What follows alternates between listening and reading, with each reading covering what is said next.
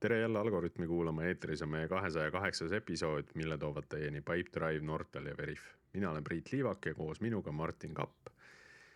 eelmine nädal rääkisime e-residentsuse tänasest päevast ja tulevikust, siis äh, täna räägime e-riigi ja e-valitsemise tänasest päevast ja tulevikust. Äh, külas on meil Nortali avaliku sektori juht ja visionäär Andres Raieste. tere, Andres. tere, tere, Priit, tere, Martin Ehm, Andres, nagu meil kombeks on, siis ole hea, tutvustage ennast meie kuulajatele mõne lausega, et äh, millega sa, millega sa möödunud dekaadil tegele-, tegelenud oled, ütleme nii.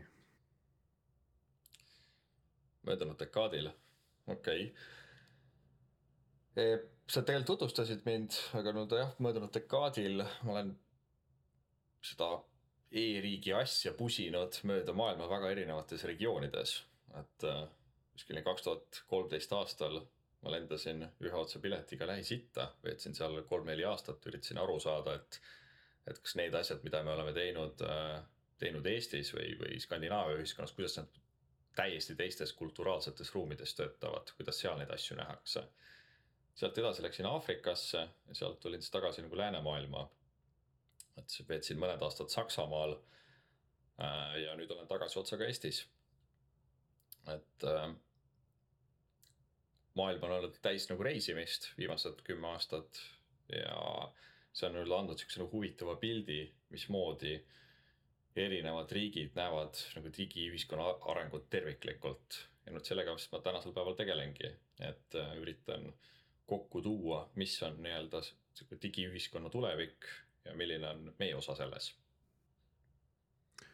vägev äh, niimoodi on alati nagu asju hea näha, et sa näed äh, nii-öelda erinevaid äh, paiku, erinevaid lahendusi.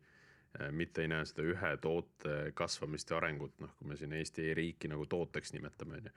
kas, kas täna nagu Eesti e-riik on endiselt maailma parim? Siin see huvitav küsimus on see, et mis see maailma parim tähendab, et ta natukene olemuslikult kõlab pisut natuke nagu olümpiamängud aga vaat kui, kui olümpiamängudel on niiviisi, et kes hüppab kaugemale, see on, on võitja. see riigiga on palju keerulisem, et pigem on tegu nagu iluuisutamisega. teatud subjektiivsus on ka sees. see on, see on üliäge võrdlus et ja nüüd, nüüd ongi see, see on see hea küsimus, mis siis on see maailma parim e-riik, et noh, ilmselgelt siinkohas on mingid kuvandi küsimused, aga on ka noh, terve suur posu erinevaid rahvusvahelisi organisatsioone, mis tegelevad täpselt selle küsimuse lahti mõtestamisega, et mis siis on see maailma parim e-riik. Nendel kõigil on omad vead ja head, aga kui nüüd üritada selle küsimuse juurde tagasi tulla, siis see on, on, on mõned nagu meetrikad või, või indeksid, mis siis nagu konkreetselt mõõdavad näiteks avaliku sektori, avalikus sektoris digi, noh, sihukest nii-öelda digiühiskonna või, või digitaalsete avaliku sektori äh, teenuste siis äh, noh, nii-öelda heaolu või, või, või, või arengutaset. noh, näiteks United Nationsil on üks selline indeks. maailmapangal on üks selline indeks ja siis äh, Euroopa Liidul on, on, on selline indeks nimega DESI, mis on siis noh, natuke nagu laiem indeks, mis mõõdab siis ka nagu digi, digimajandust ja võib-olla tööstust nagu laiemalt, aga seal on üks alamkategooria täpselt siis nagu e-riigi indeks ja selles on tõepoolest, selles on nagu siis äh, Eesti on seal alati olnud juba väga nii-öelda pikalt on olnud. oota, oota, oota, oota, nagu jät... enne kui sa neid teisi riike hakkad nimetama, Martin, kas sina tead mõnda teist äh, nii-öelda märkimisväärset e-riiki või? Vaata, sageli on see, et me oleme siin selles oma selles supi sees ujume ja siis nagu teisi üldse ei tea, on ju.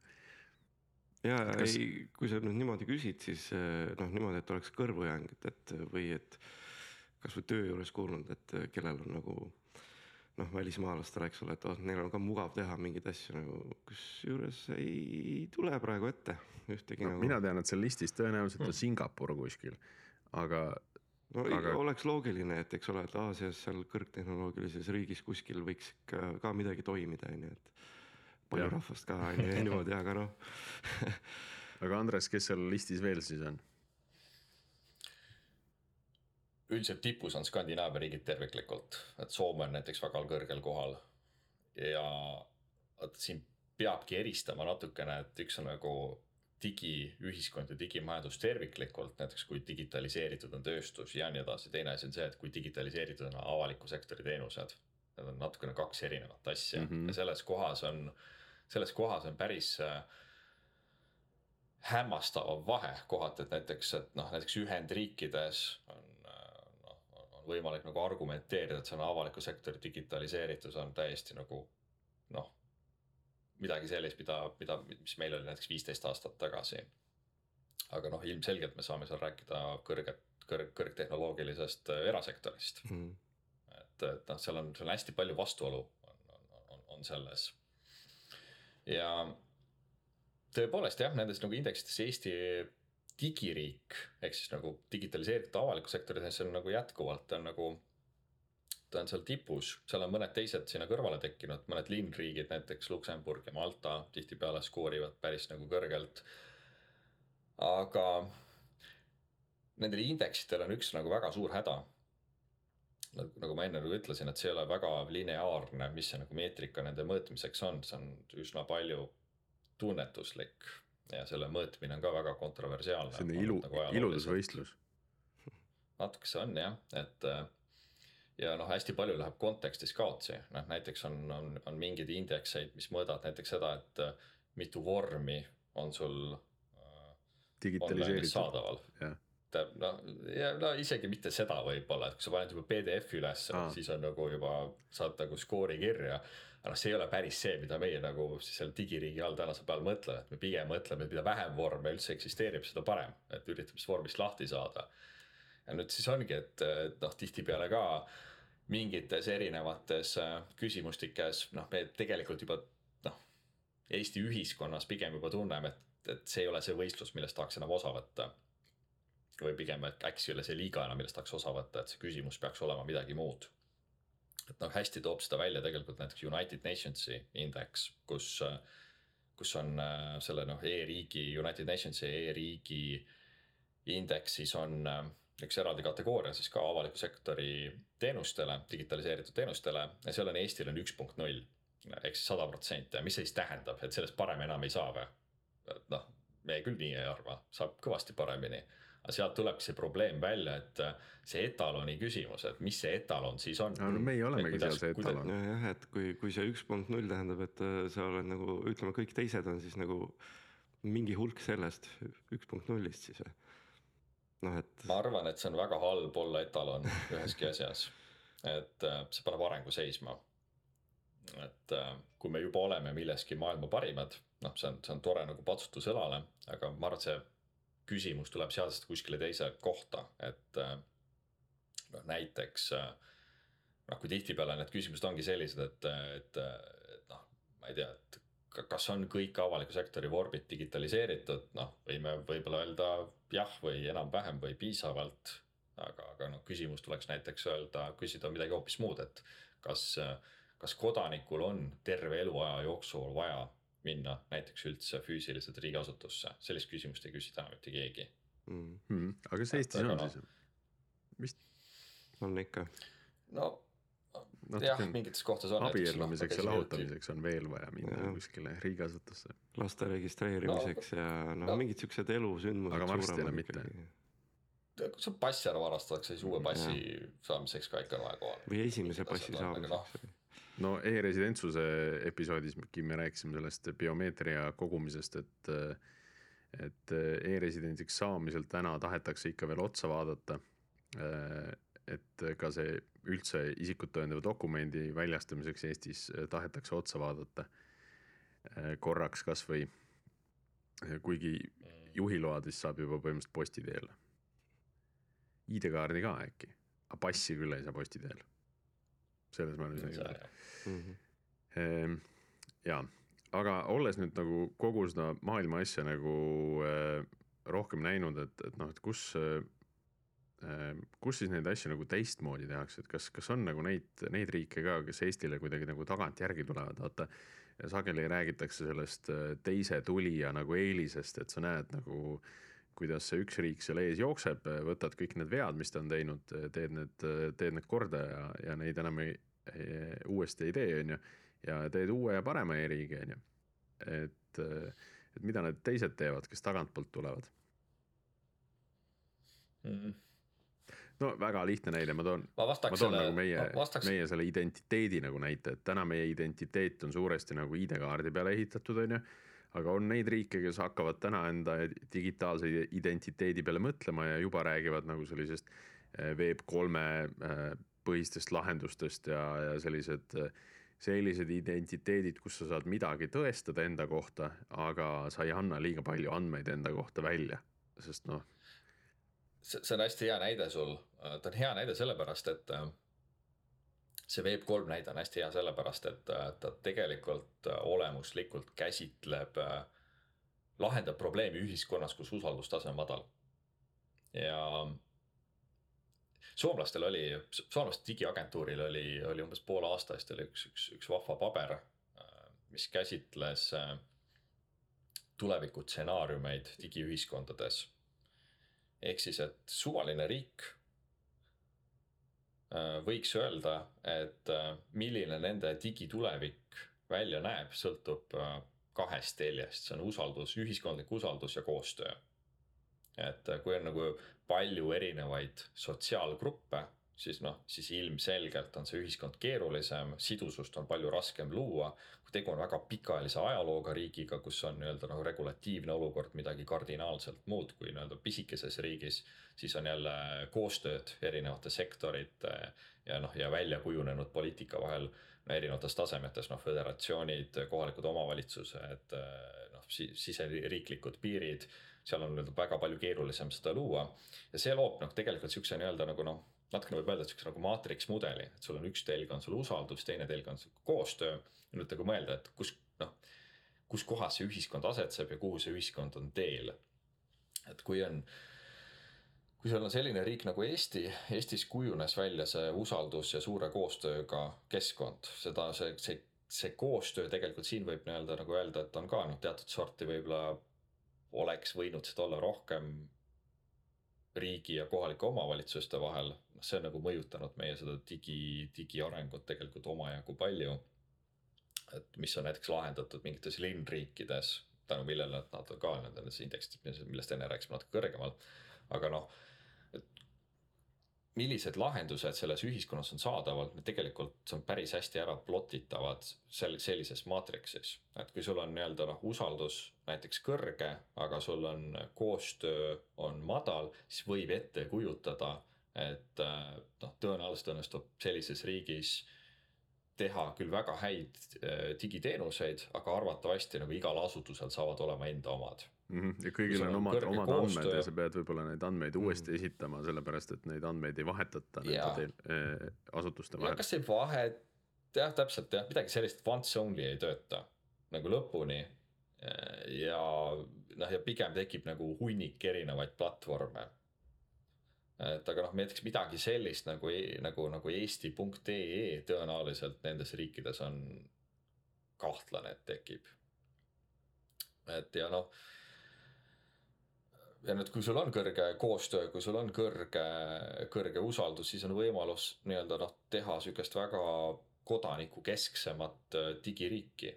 nõnda, et sul on nagu sihukene noh, natukene sihukene nagu Apple'lik experience, et sihukene nagu ökosüsteem, sul kõik näeb nagu lihtne, kodanikukeskne, inimesekeskne välja et aga samas, kui sul on sihukene see koostöö on madal, siis on tegelikult sul eraldi ökosüsteemid see on nagu keerulisem. noh, kas sa saad nüüd öelda, et üks või teine on parem, see noh, see, see ei ole tegelikult see küsimus, kas on parem või, või halvem, see pigem on rohkem sihuke nagu tunnetuslikud küsimused, mis selles ühiskonda paremini nagu sobitub mm.. ja sellest tuleb väga palju, tuleb sellest noh, noh, see oli nüüd see koostöötelg. usaldusteljes on nüüd tohutult palju, see, see nüüd läheb sellesse kategooriasse, et noh, kuidas ühiskonda siduda et noh, usaldus on tavaliselt see, mis seob ühiskonda. on erinevad sotsiaalgrupid, neil on täiesti nagu erinev maailmavaatepilt. ja kuidagimoodi tuleb neid kõiki ära teenindada. ja noh, see on täiesti naturaalne, et inimestel on erinevad uskumused näiteks privaatsuse osas, aga kui nüüd nagu mõelda, et kui neile kõigile pakkuda täpselt ühesuguseid digiteenuseid, siis tegelikult neid teised inimesed kellel on teistsugune nägemus maailmast või, või midagi sellist, noh, nad noh, paraku kipuvad ennast tundma natukene diskrimineerituna. no näiteks, kui me kõigi, kõikidele, kasvõi Eestis, kui me tegelikult tänasel päeval kõikidele paneksime peale, ütleme, et ainukene kanal valida on digivalida no, e, e-valimiste teel. noh, siis on mingisugune sotsiaalne grupp, kes tunneb ennast diskrimineerituna seetõttu või, või noh, kas see on õige sõna, on omaette küsimus, aga noh, midagi sarnast. ja tänu sellele noh, mis see nagu arusaam hakkab tänasel päeval juurduma maailmas või, või siis meil. ongi, et äh, tuleb suuta käsitleda täiesti erinevaid ühiskonnagruppe.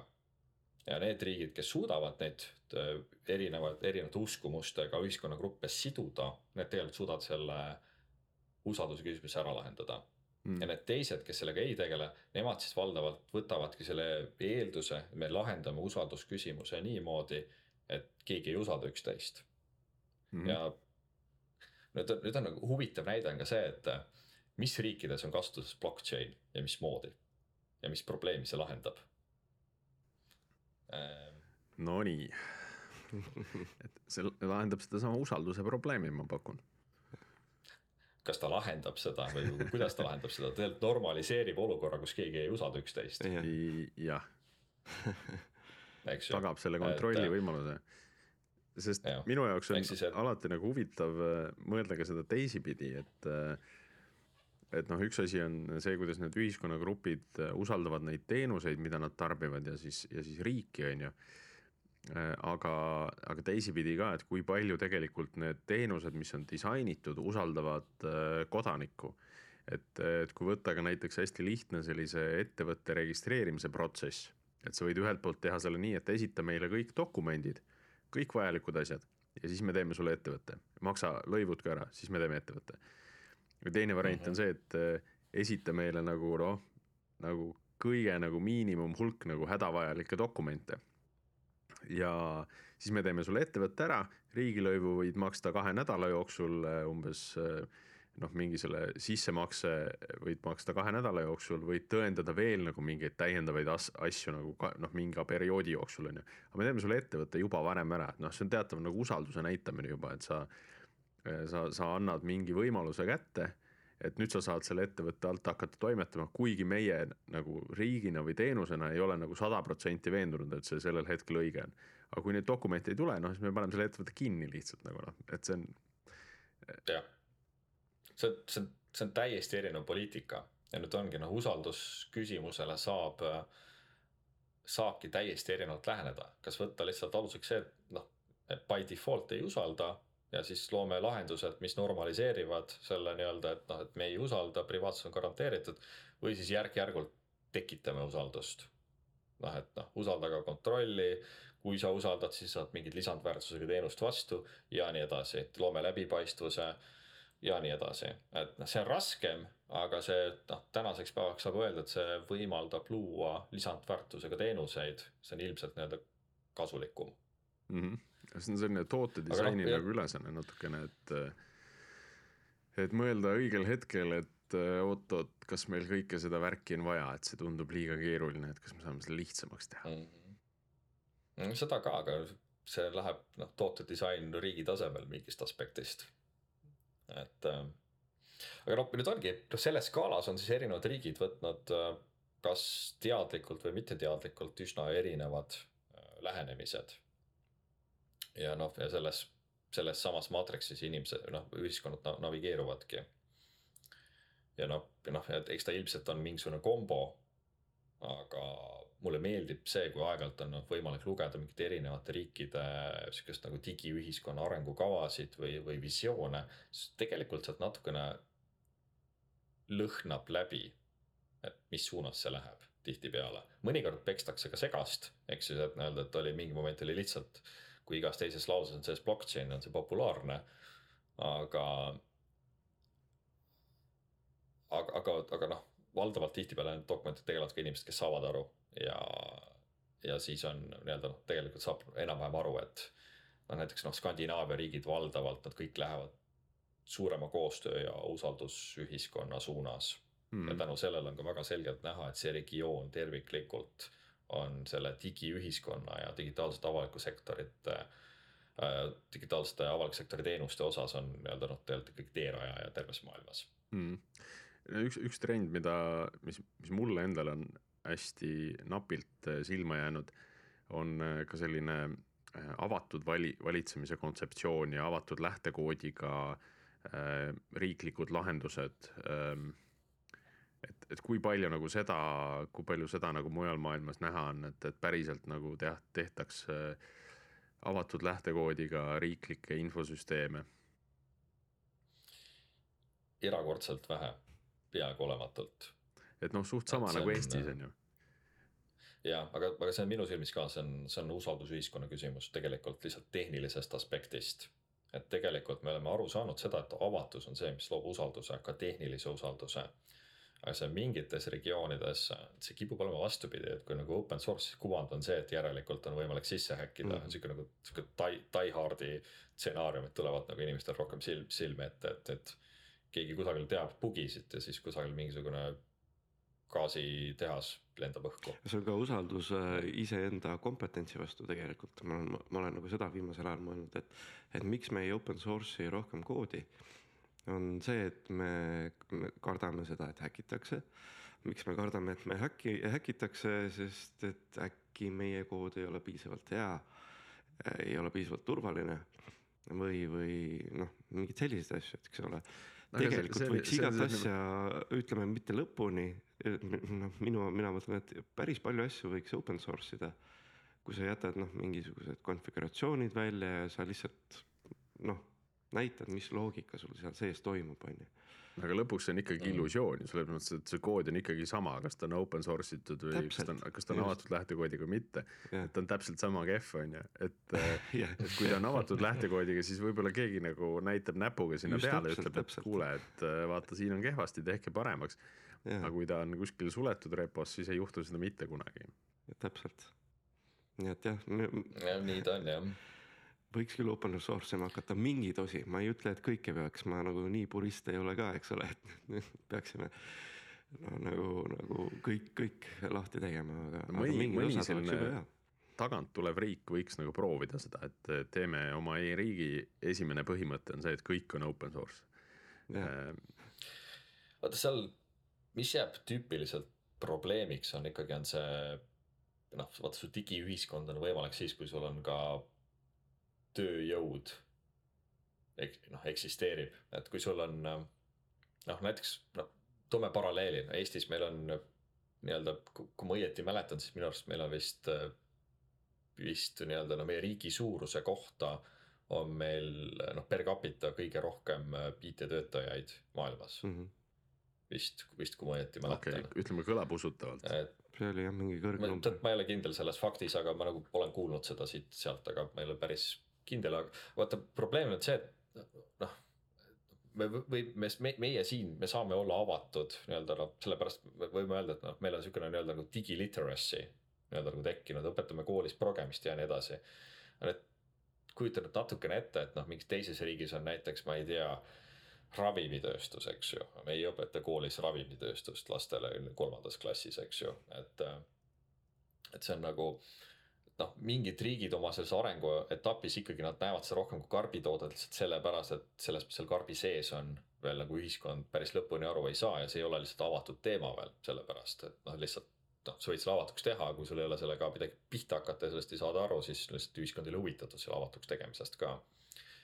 et noh, see on see, mis ta nagu raskendab natukese.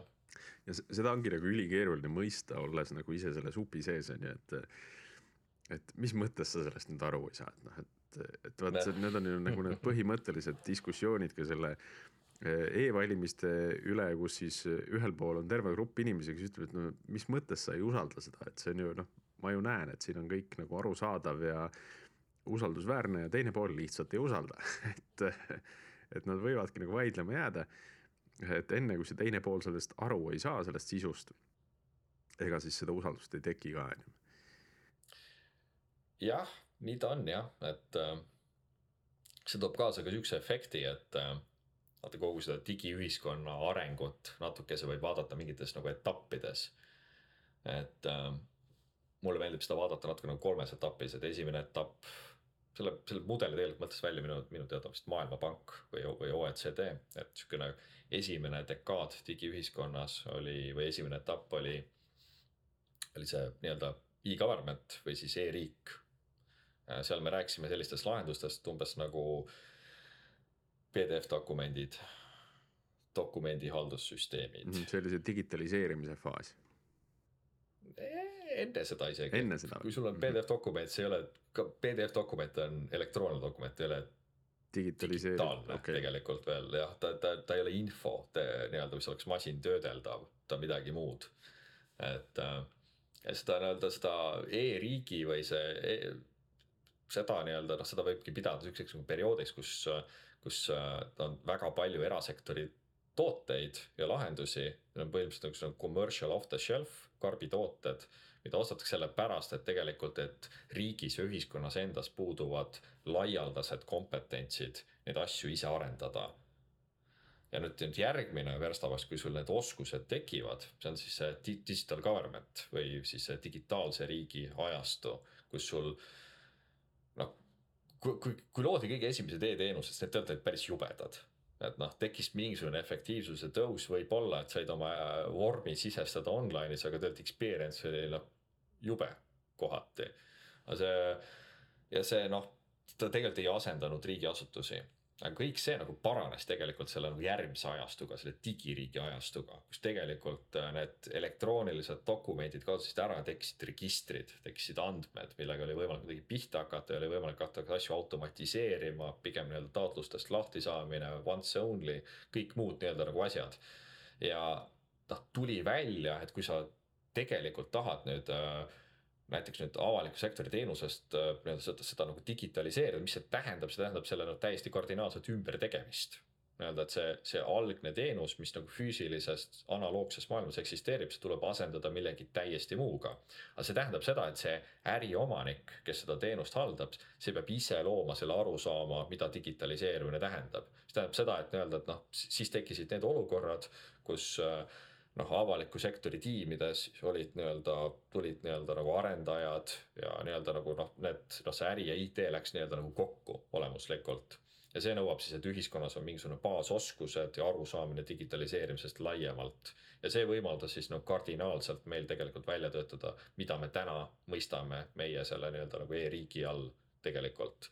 lihtsalt paljud riigid ei ole sinna kohta veel jõudnud ja siis noh, ainult tänu sellele me saame praegu rääkida nii-öelda nagu avatusest üldse ja nüüd, kus meil juba on, noh, mõelgem seda, et me, me tegelikult oleme, vaata, mis, mis, mis teeb Eesti eriliseks peale selle, et me oleme mingisugustes ranking utes nagu tipus.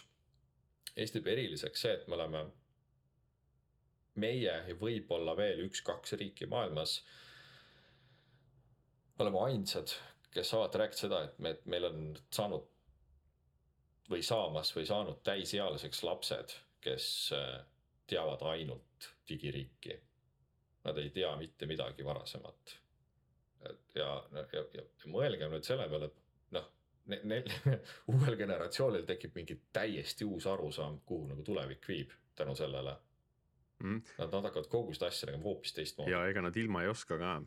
noh, vot see on võib-olla kõigile täiskasvanutele on see hea harjutus, et pange nagu telefon kuskil kapi nurga peale ja proovige nagu kaks päeva ilma hakkama saada ja siis tõmmake kuskile paberi peale kriipse, et mitu korda te nagu tahtsite sinna, sinna kapi nurga peale seda telefoni võtma minna.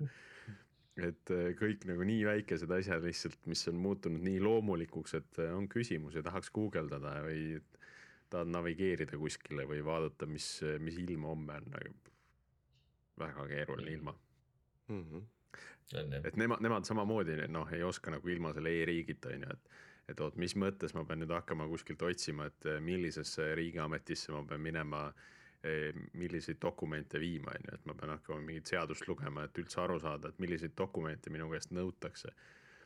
selle asemel, et võtad, eh, võtad mingi teenuse lahti ja hakkad vormi täitma ja vaatad, mis andmeid tahetakse. et tundub palju lihtsam mm. -hmm ja siis, kui nemad hakkavad ise, ise mõtlema, et kuidas seda veel paremaks teha, eks ole just, just, et nüüd on selles kohas, kus see on normaalsus ja, ja nüüd on see next, järgmine samm vaja võtta. see on umbes, umbes sama võrdlus, nagu ma olen, olen mingi hetk äh, mõelnud selle peale, et kuidas noh, et kasutajaliidesed on suhteliselt standardsed püsinud, noh, ilusamaks lähevad, noh, stiilid muutuvad, kõik siuksed asjad on ju. aga samamoodi meil kasvab peale põlvkond lapsi praegu, kes on lapsest saadik elanud ainult äh, tahvelarvutite peal või puutetundlike seadmete peal. nüüd, kui nemad ükskord kasvavad suureks, hakkavad ise disainima asju, lähevad tööle sihukesesse kohta, kus disainida interface'e. mis siis veel saab? et mis siis saama hakkab täpselt, sest et ma arvan, et siis toimub see teine asi, et, et mida see inimene, kes praegu on, kelle jaoks telefon on mingi must klots, miks ta peaks panema telefoni nupuks mingisuguse imeliku kujuga toru, mis on ühest ja teisest otsast natuke paksem, mida see üldse tähendab tema jaoks, on ju. et äh, samamoodi, et ilmselt on üks, üks hüpe noh, mingi kümne aasta pärast võib-olla jällegi hakkab toimuma selles osas, et ja kui need kaks kokku veel saavad, mis et... siis saab ma arvan, et tegelikult oleme nüüd algust sellega teinud ja tegelikult juba paar aastat, et noh, me. kui nüüd siukse nagu antropoloogi müts natuke nagu pähe panna, siis äh, siis ma arvan, et tegelikult mingi kaks aastat umbes juba tegelikult äh, Eestis on sihuke nagu natukene uus ajastu algamas. et, et tegelikult digiriik on juba tehtud, me tegelikult oleme juba seal. probleemid või noh, siuksed nagu trendid või mis praegu nii-öelda on, need on noh, midagi muud tänu, mille, mille pärast me tegime selle nii-öelda digitaalse riigi no.. see ei ole ainult, see ei ole ainult see põlvkonna küsimus, digipõlvkonna küsimus, et siin on ka teised asjad, noh näiteks ongi see, et. et noh, kasvõi nii-öelda pööre tehisaru valdkonnas mm -hmm.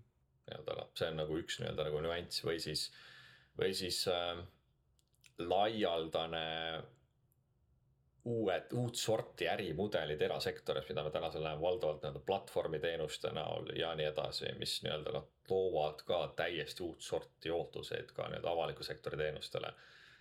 et ähm, noh, mingid sedasorti nii-öelda asjad, noh siis ähm, me võime öelda ka seda, et nii-öelda, et ähm, noh Eestis juba kõik on digitaliseeritud, põhimõte, noh, on mingeid kohti veel, eks ju, aga olulised kohad on digitaliseeritud. siis ka nii-öelda noh, et see, see keerukuse kasv on tegelikult nii-öelda läinud umbes nagu sinna kohta, et nende järgmised sammud võtavad üha rohkem ja rohkem nii-öelda energiat. Välja arvatud siis, kui hakata midagi hoopis teistmoodi tegema, nüüd on see küsimus, mis see teistmoodi on. et ähm, no mis see umbes nagu tähendab, on näiteks see, et äh, nii-öelda noh, teenuste arv on äh, tänaseks päevaks muutunud hoomamatuks kohati. inimene ei saa enam aru, mis on tema võimalused ja kohustused.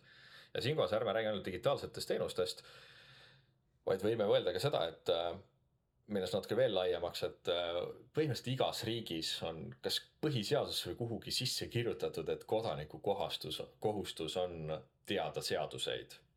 Äh, Eestis on juhtumisi, mu isa on sõiduõpetaja ja mäletad, kunagi mulle rääkis, et Eestis on üks keerulisemaid äh, liiklusseadustikke maailmas. et äh, USA-ga vahe on kümnekordne umbes. Et äh, kui sa Utah'is tahad teha liikluseksamit, sul on mingisugune, noh, ma nägin seda Voltikut, eks ju, mis on need regulatsioonid, mida sa pead teadma, mida sult küsitakse, noh, see on. seal oli, viis lehekülge vist või?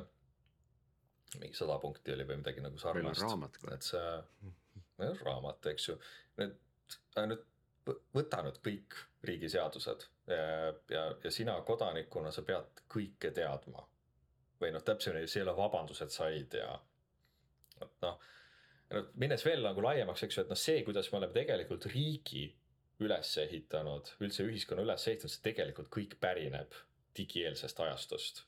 nagu riigi ülesehitus strukturaalselt, mis nagu laias laastus, noh, mis see public administration tähendab, mis mm. riigiasutus eksisteerib, see, see kõik on umbes viissada aastat või, või midagi sellist vana. sa praegu nagu... viitad sinna, et, et me peaks hakkama seda otsa juba lammutama, et, et see jõuaks nagu selle digitaliseeritud riigile järele.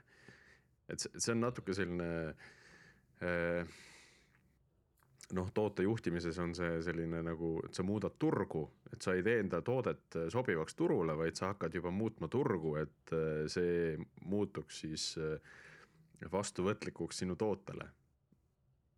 no ta nagu järk-järgult läheb sinna suunas, vaata, et kui me noh, kümme aastat tagasi rääkisime interoperability'st, X-teest, siis nüüd viimased paar aastat nii-öelda on riik tegelenud sündmusteenustega näiteks, mis juba noh, üritab asutuste ülestele teenustele luua uut äh, katust peale ja teha seda inimkesksemaks, aga noh, arvatavasti see läheb veel kaugemale, siis tekib küsimused juba, et äh, noh, teenuste dubleerimine, mis on, kuidas on võimalik näiteks pakkuda teenuseid äh, noh lihtsalt toome, unistame natukene, toome näited ilma sinna nagu akadeemiliseks minemata, et näiteks oletame, et tahad lapsele lasteaia kohta, eks ju, siis noh, see on paras põrg ilmselt, kõik teavad seda praegu, et aga noh, see niisugune nagu uuelaadne mõte, kui nüüd mõelda, kuidas, kuidas teeks seda Uber või Bolt, eks ju siis see tähendaks seda, et sul oleks nii-öelda võimalik erinevatest munitsipaalidest ja erasektorist oleks sul võimalus äh, Äh, kokku äh, korjata erinevad nii-öelda nagu asutused, kes teenust pakuvad, ise nii-öelda valid, kes suudab selle seda kõige parema hinna või, või subsideeritud hinnaga ehk siis tasuta, kui sa oled ühes või teises munitsipaalis või siis kodanik, mis iganes reeglid pakkuda. ja siis tekib veel küsimus, okei okay,, aga kas on võimalik pakkuda ka näiteks erasektoril lisandväärtusega lisateenuseid sinna külge, näiteks et ka lapsed transport lasteaeda ja tagasi mm. -hmm või siis nii-öelda nagu noh, meil on meil on, meil on e-prescription, eks ju, aga kas meil on ka näiteks äh, transport äh, vanainimesele koju ja nii edasi, et noh, siin saab nagu päris wild minna nende mõtetega, kui me hakkame neid samu kontseptsioone, mis tegelikult erasektoris juba on nii-öelda noh, innovatsiooni teinud ja samu ärimudeleid hakkama rakendama ka nii-öelda laiemalt ühiskonnas. ja ma arvan, et vot see nüüd ongi see järgmine ajastu tegelikult nagu kui me varasemalt mõtestasime ümber nende varasemates nagu arenguetappides nii-öelda noh, nii-öelda noh, avaliku sektori teenused, siis ma arvan, et noh, järgmisena me hakkame nagu ilmselt ümber mõtestama ka nii-öelda nagu riigi olemust ja koostööd äh, laiemalt ühiskonnas nüüd avaliku ja erasektori vahel arvatavasti mm. -hmm. nii, aga tulles nüüd maa peale tagasi. Et äh, blockchain'ist äh, sa põgusalt rääkisid, noh, siin sai ka mainitud seda sündmusteenuseid Äh, mis trendid veel nagu e-valitsemise maailmas esile tõusevad, et äh, noh, ai on, on praegu nagu räägitakse igal pool ja iga, kõiges äh, ai-st. et kui palju seda nagu üldse tänaseks ära on kasutatud, mitte ma ei räägi sellest, kui palju seda plaanitakse ära kasutada, sest noh, täna kõik ütlevad hästi palju. kohe hakkame oma ai lahendusi tegema aga kui palju seda nagu päriselt on, on juba ära kasutatud, et sa, ma ei tea, satud kuskile riiki rääkima ja vaatad, oo, teil on siin päris põnev selline tehisaru lahendus juba olemas? tegelikult päris palju, vaata praegu on lihtsalt see kogu see noh, LLM-id on lihtsalt tekitanud mingi täiesti radikaalse uue laine kogu selle nii-öelda teema peale. Äh, aga noh see, see ei ole terve, LLM-id ei ole kaugeltki mitte terve, terve maailm tehisaru valdkonnas. et äh,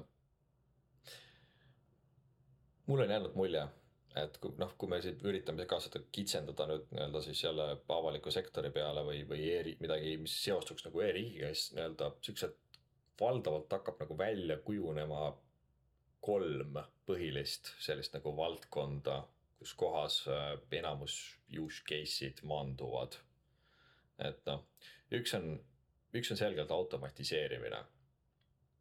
et on noh, proaktiivsed teenused äh, ja nende noh, mis see nagu tähendab valdavalt on see, et sul kusagil et sul kusagil ei, ei, ei ole seda nii-öelda inimest, kes peab mingisugusele avaldusele klikkima, et jah, et, et. selle kohta mul oli just alles eile oli mingisugune hull mõte, et et kui, kui kaks tuhat kolmteist äh, äh, inimesed andsid robotitele käsklusi, ütlesid, et tee seda, äh, taotle seda raha mulle või, või et pese põrand ära, siis nüüd, nüüd on see, see mõttemaailm on nii palju muutunud, et me anname neile nii-öelda loa midagi teha enda eest. ehk selline nagu command versus authorize nagu, et, et ma annan sulle loa minu eest maksud ära deklareerida ja, või, või siis, et ma annan sulle loa äh,. ma ei tea, mis, ma ei mäleta, mis näite ah,, ma annan sulle loa, et, et, et ma tahan kõike raha, mis riik mulle on valmis maksma.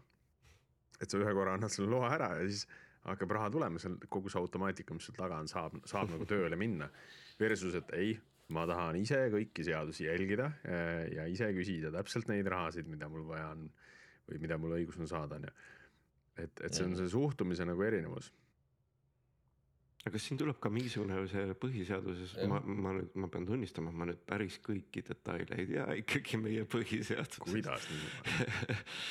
aga noh, sa ei vabanda mind, on ju. aga kas meil on midagi kirjas selle kohta, et äh, keegi teine, mitte nüüd isik, aga võtame näiteks äh, tehisisik, võiks minu eest mingisuguseid riigi toiminguid teha?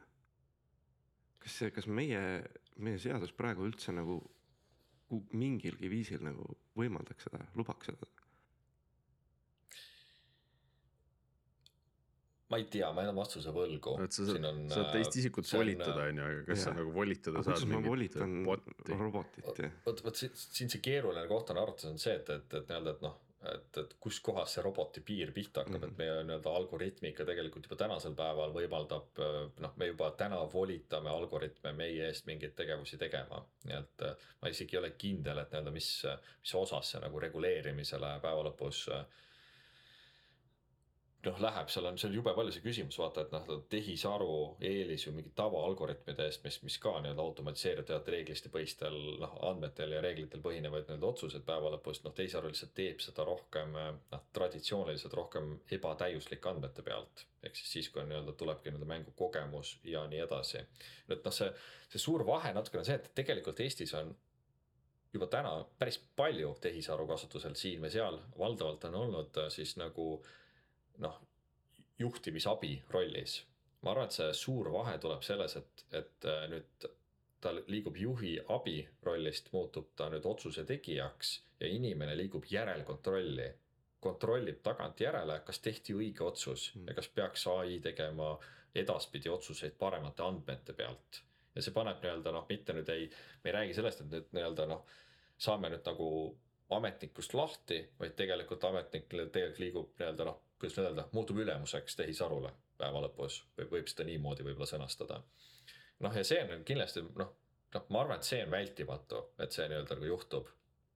et küsimus lihtsalt, mis nagu ulatuses, eks ju, ja noh, noh kui võtta nüüd näiteks Euroopa Liidu arendatav see ai Act, mis praegu nagu tuleb, see, see tegelikult ütlebki enam-vähem lihtsalt seda, et kus kohas ai hakkab otsuseid tegema, seda saab või tohib teha val- lähtuvalt nii-öelda riskisituatsioonidest. ehk siis, et äh, äh, ehk siis, et äh, noh, põhimõtteliselt noh, vaevalt, et sul äh, mingid noh, ma ei tea lennuki maandumise otsuseid äh, või, või lennujuhi tornid või siis nii-öelda arstid lähiajal äh, asendatakse nii-öelda ai-ga, aga arvatavasti mingi madala riskiga osad nii-öelda, kas mingisugusel avaldusel otsust teha või, või midagi nagu sellist, ma arvatavasti see läheb väga kiiresti. Mhm. no see on lihtsalt nagu üks osa, eks ju, teine osa nüüd, kui nüüd rääkida sellest, mida nüüd nende LLM-ide maailm on nii-öelda juurde nagu toonud. et noh, seal on, noh, seal on võib-olla, noh, see ilmselt muudab kardinaalselt lihtsalt seda, et, et et noh, kui, kui digitaalsed teenused olid ikkagi mõeldud mingile sotsiaalgrupile ja ta oli nii-öelda nagu ebainimlik, siis see arvatavasti loob äh, sellise inimliku osa äh, noh, nii-öelda nagu avaliku sektori teenustele, mida varasemalt digitaalsed teenused ei saanud teha. oota, sa pead, sa pead silmas, et üks on selline kuiv vormi täitmine ja teine on äh, selline äh, interaktiivne, interaktiivne, ja, ja, ja mõistab inimest mm. -hmm. võib-olla isegi paremini kui teine inimene. Mm -hmm. et noh, et, et noh, ilmselt ta läheb nagu selles suunas, et noh, me peame nagu meeles pidama seda, et võib-olla kui nagu ka teise, teise nurga alt vaadatuna, et noh, noh, umbes viis aastat tagasi eriti keegi ei kujutanud ette, et ai hakkab tegema luuletusi ja hakkab nii-öelda, võid ai-le öelda, räägi minuga kui Tolstoi või midagi sarnast, keegi ei kujutanud sihukest asja ette ja noh, kõik arvasid seda, et ai täidab, hakkab täitma seda, seda kuiva igavat automatiseerimistööd ja et seda, et hakkab nii-öelda pritsima välja pilte ja midagi nii-öelda, mis nii-öelda näeb välja nagu emotsioon, seda ei kujutanud keegi ette, tead, läks just nii. et noh, ja nüüd mida see võimaldab teha, see võimaldab vaadata kardinaalselt nii-öelda noh, nii-öelda, et noh, selgita mulle maksusüsteemi kui kaheksa aastasele. tuleb välja, et arvatavasti seda hakkab tegema ai oluliselt paremini kui suvaline ametnik Mhm. Mm -hmm. Ja, ja, ja, see on see, kus kohas nii-öelda see teenuse experience ilmselt täielikult nii-öelda transformeerub. tänu nii-öelda sellele konkreetsele nii-öelda siis nüüd nagu tehisaru harule. et noh, see lihtsalt praegu juba toimumas, lihtsalt noh, läheb aega veel. mm. -hmm. vot siin tuli kohe äh, siis äh, mõte meie bürokraati toetuseks, et kui meil on e-residentsus, võimaldab siis äh, nii-öelda välisriigi äh, kodanikel saada justkui nagu e-residendiks või e, e, e-kodanikuks Eestile, äh, siis bürokraat võiks pakkuda kõigile kodanikele äh, nii-öelda personaalset assistenti. mitte selles võtmes, et jaa, et sa kirjutad talle ja siis ta vastab noh, nii-öelda ilma sessioonita et annab, annab selle vastuse nagu täna chat GPT oskab teha, vaid ta võiks olla personaalne selles võtmes, et ta peab ka kontekstis silmas nagu minu enda isiklikku vestlusajalugu, et kui ma tahan, ma võin teda kasutada coach'ina või nõustajana eh, ja, ja ta peab kõike seda silmas mulle ka tulevikus nõu andes eh, ja teenuseid soovitades. et, et selles mõttes personaalne, et see kontekst eh, säilib seal individuaalselt kogu minu elu vältel siis, et ma võin ka nagu tagasi küsida, et et kuule, mis mured mul kümme aastat tagasi olid ja ma, ja ta oskab mulle vastata, on ju. see oleks päris huvitav, et äh, sihuke personaalne assistent mm.. ma arvan, et täpselt nii lähebki, et meil kõigil nii-öelda, nii-öelda on nagu see esimene isiklik ametnik lihtsalt on virtuaalne. ja isegi ja, ja, ja, ja samamoodi on ka ametnikel endal nii-öelda virtuaalne assistent, kes suudab nii-öelda kokku tuua nii-öelda noh, millega üldse peaks nii-öelda riigis tegelema ja noh, ja nii edasi, aga noh, päeva lõpuks meil kõigil saab olema see virtuaalne assistent, kellel on see, see ülevaade midagi sellisest, millest nii-öelda lihtsalt teised inimesed ei hooma mm. -hmm. see isiklik ametnik, mulle meeldis see. isiklik ametnik, jah see on väga mõnus termin. päris hea. ma mõtlesin seda, et kas praegu ähm, praegu vist nagu ütleme, minu kodaniku poole peale vist väga palju nagu mingit sihukest asja vähemalt välja ei paista, eks ole et äh, kas põhiseaduse juurde võiks ju ka panna mingi nupu, et tee mulle kokkuvõte kuule kas keegi on üritanud panna põhiseadust? Äh, Riigi Teatajasse? jah, chat GPT-sse. see, see ei ole äh, usaldusväärne, see kokkuvõte, see võib olla mingi noh, nagu ütleme, seal tekib neid tõlgendamise küsimusi, on ju, mis no., mis on probleem, et äh, seadus justkui peaks olema üheselt tõlgendatav ja kui sa lased seda nüüd interpreteerida mingil ai lahendusel selleks, et sa seda ise saaksid seda no, interpretatsiooni edasi aeg, interpreteerida, et siis on see probleem juba. No jaa, aga päeva lõpus ikkagi mina tõesti, ma usun sellesse, et nii-öelda meie tulevik on selline, et mina kodanikuna mind ei huvita, mis eksisteerib, mis riigiasutused või mis seadused, ma tahan teada, mis on minu kohustused ja võimalused. mm nii-öelda mind huvitab kolm asja, nii-öelda minu andmed, kuna nende pealt nii-öelda, nii-öelda noh, ma tegelikult ütlen jube palju ära nii-öelda, mis on minu usaldustase riigi suhtes ja nii-öelda, nii-öelda mida ma enda kohta nii-öelda nagu ütlen ja olen valmis nagu ütlema ja kuidas nii-öelda see ütleb, kuidas ma tahan, et mind nii-öelda teenindatakse. ja siis nii-öelda selle pealt tegelikult on minu võimalused ja siis minu kohustused. mitte midagi muud, kas on, mis teenused eksisteerivad, kes seda pakub, täiesti suva. et aga aga nüüd ongi, ma ei tea, kolin teise linna. seal on mingid uued nii-öelda võimalused kohalikust omavalitsusest nii-öelda lähtuvalt näiteks või, või mingid reeglid, millele tuleb nagu alluda. koheselt ma ei pea hakkama võtma mingit seadustikku lahti, vaid, vaid saan sellest kohe nii-öelda üle, et okei okay,, sa kolisid Tallinnast sinna näiteks mm. -hmm sellised reeglid, need asjad muutuvad, siin on uus lasteaed, siin on uus kool, siin on ta-ta-ta-ta-ta, mis iganes, eks ju. midagi sellist ja see on siis see nagu kodanikukeskne või inimese keskne nii-öelda riik mm,. see on selline, see muutuste osa on kindlasti huvitav. et äh, kui olid Tartusse öeldakse, et kuule muide, siin sul ei ole tasuta, tasuta ühistransporti. näiteks no,, näiteks. hästi lihtne asi, et äh, muidu võib meelest ära minna, kui oled äh, siin mm., siin mhm. pikalt olnud selles, selles keskkonnas, kus see on olemas, on ju. jah, ja sellist asja nagu traditsiooniliste nagu meetmetega toota on maru kallis või keeruline või isegi võib-olla isegi võimatu mm. -hmm. see on kindlasti koht, kus nii-öelda noh, tehisaru. noh, ma ei kujuta ette, see teistmoodi läheb, et, et, et seda tehisaru ei hakka nii-öelda tulemuslikku võtma. see täpselt, et praeguste ütleme avalike töövahendite ettekujutusega, et tõesti, et kui ma lähen kuskile ja ütlen, et tead, mul on naine, kaks last äh,, kolime aastaks Tartusse.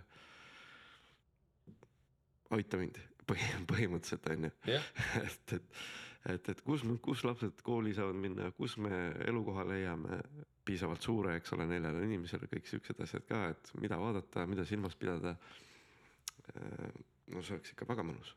ükskord. oleks ikka väga mõnus jah, ja siis tuleb sul see takso on õigel ajal ukse taga ja öeldakse, et astu aga peale.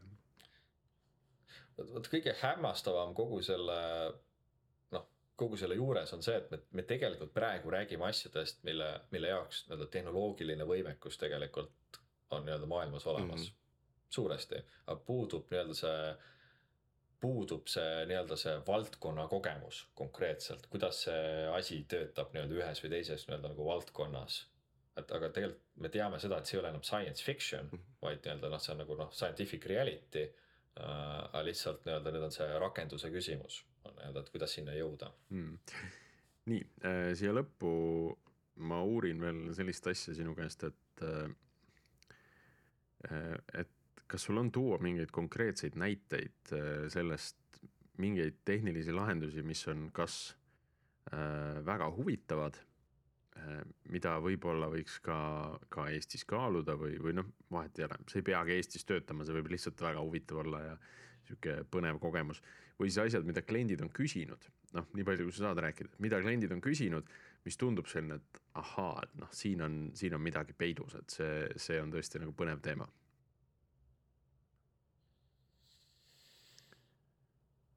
no me just lõpetasime tehisaru teemaga, see ausalt võtab suure enamuse eetrist praegu ära.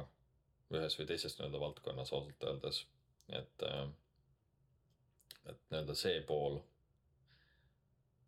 teisest küljest nii-öelda noh, sellest hästi põgusalt korraks nagu enne nagu rääkisime, aga maailmas on laiem huvi platvormiteenuste vastu. et kuidas siduda. et teha nagu no, riik nagu kuidas, platvorm või? kuidas teha riigiteenustega Uberit? nii. integratsiooni küsimus. tekib sihuke nagu. ma arvan, et rohkem, et äh, nii-öelda, et noh, ja kui ma mõtlen, eks see on nagu sihuke natuke nagu kasutamata võimalus olnud nagu siiamaani Eestil, et meil on need platvormiteenused Eestis, mis välja arendatud on omajagu, eks ju. aga et nii-öelda, et sama mentaliteet nii-öelda rakenduks nagu laiemalt. mingis mõttes see nagu e-residentsus, millest me eelmine, eelmine episood rääkisime, nagu meenutab seda, et mm. -hmm. et, et seal on, ongi ja. nagu see platvorm, seal on see marketplace nendele ettevõtetele, kes saavad e-residente toetada et, et see nagu on, see on nagu üks näide, see on selline suht, suhteliselt kitsas näide, näide Eestis on ju aga ta noh, ma lihtsalt mõtlen seda, et vaata, et kui, kui tänasel päeval on nagu vaata neid noh, kui vaata noh, suur, suur osa maailmast on harjunud karbitoodetega endiselt ja noh, neid Eesti asju, kui, kui sa lähed nagu Eesti nagu showroom'i, nii-öelda e-riigi showroom'i, siis noh, seal noh, ühte või teistpidi tuleb kuidagi turunduslikult suurt asju nagu paketeerida mingite story deks, isegi siis, kui need ei ole otseselt selle pakiga müüdavad, aga ikkagi. et noh, näiteks X-tee, et äh, et noh, X, X-teest saab enamus maailma paremini aru, kui hakata neile rääkima once-only'st interoperability'st. et, et, et ta on nagu noh, lihtsamini paketeeritav asi.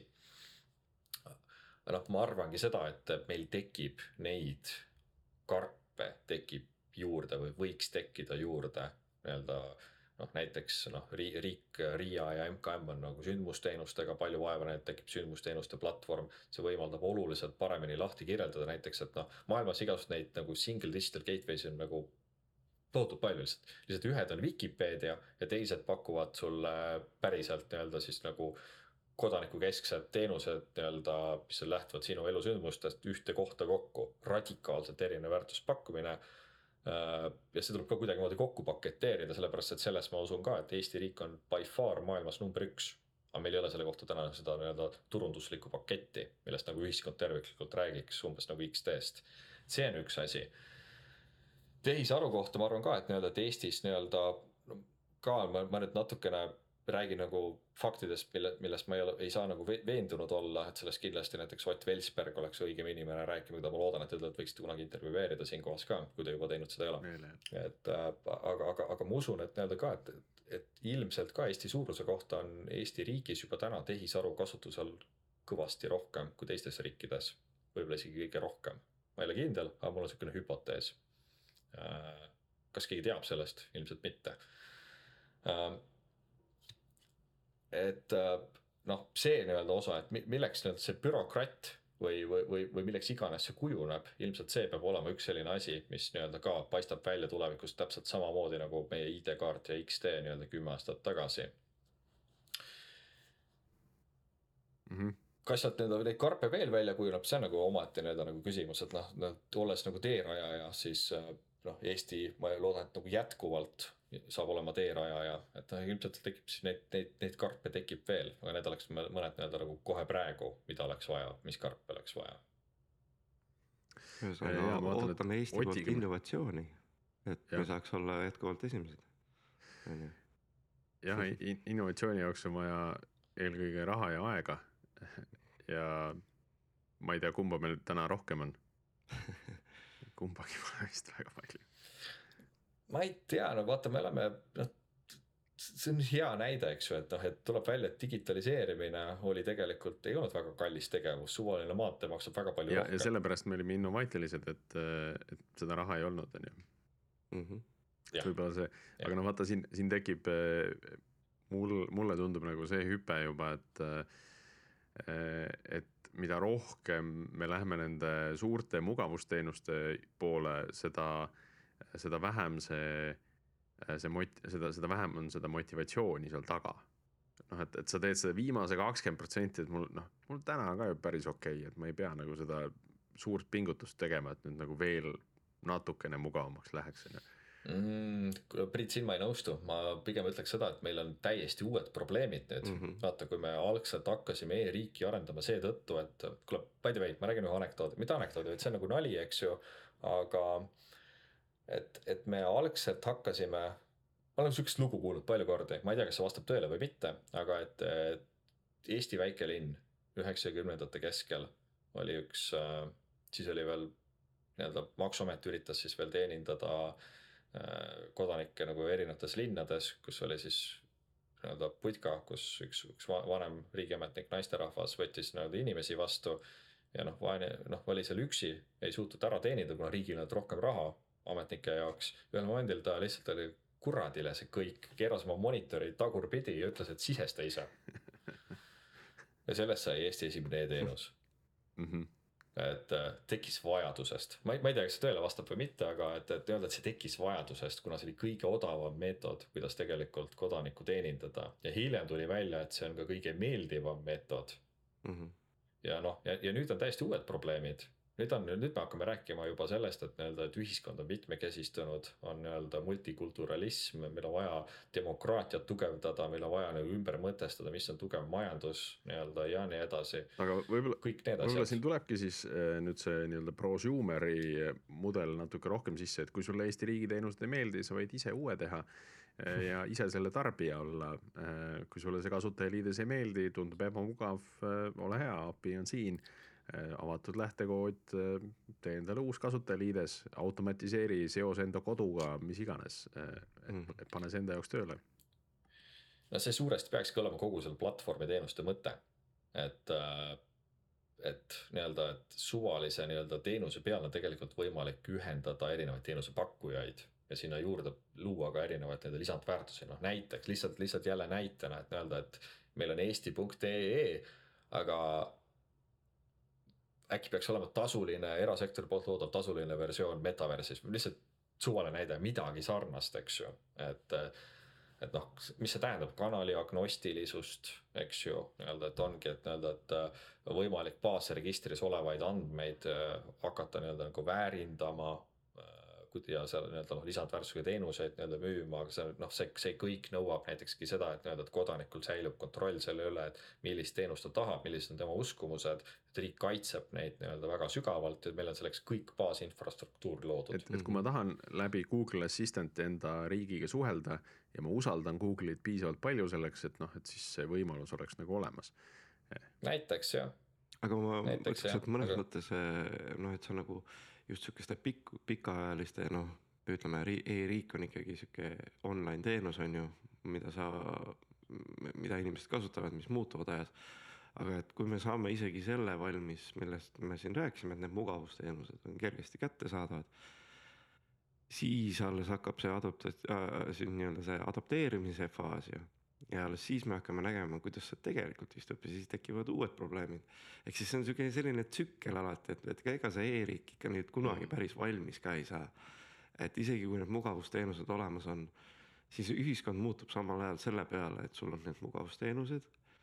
kui ühiskond muutub, järelikult seesama platvorm, mis oli tehtud, ei pruugi olla enam ajakohane, on ju ja nii edasi, nii edasi, et aga lihtsalt see viide on. ja me ikka räägime. väga pikk. see on, see on jah, see on ikka ühiskonna toimimismudel, mis ilmselgelt nii-öelda lihtsalt ongi huvitav, et kuhu meie ühiskond. ja no me ei tea isegi, kes järgmised valimised võidab, nii et kuidas me teame, mis inimesed siin viie aasta pärast teha tahavad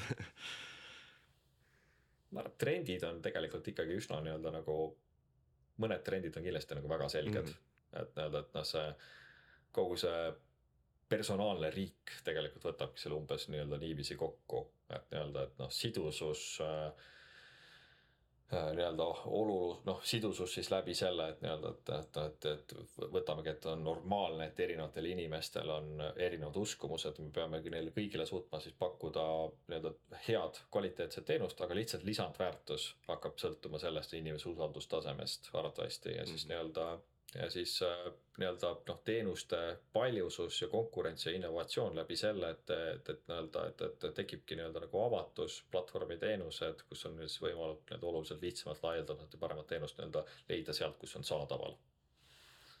jah, see tundub mõistlik, et kui ma lähen sinna e-riiki, siis ma ütlen, et okei okay,, mul on päriselt nende asjade jaoks, ma neid asju tahan.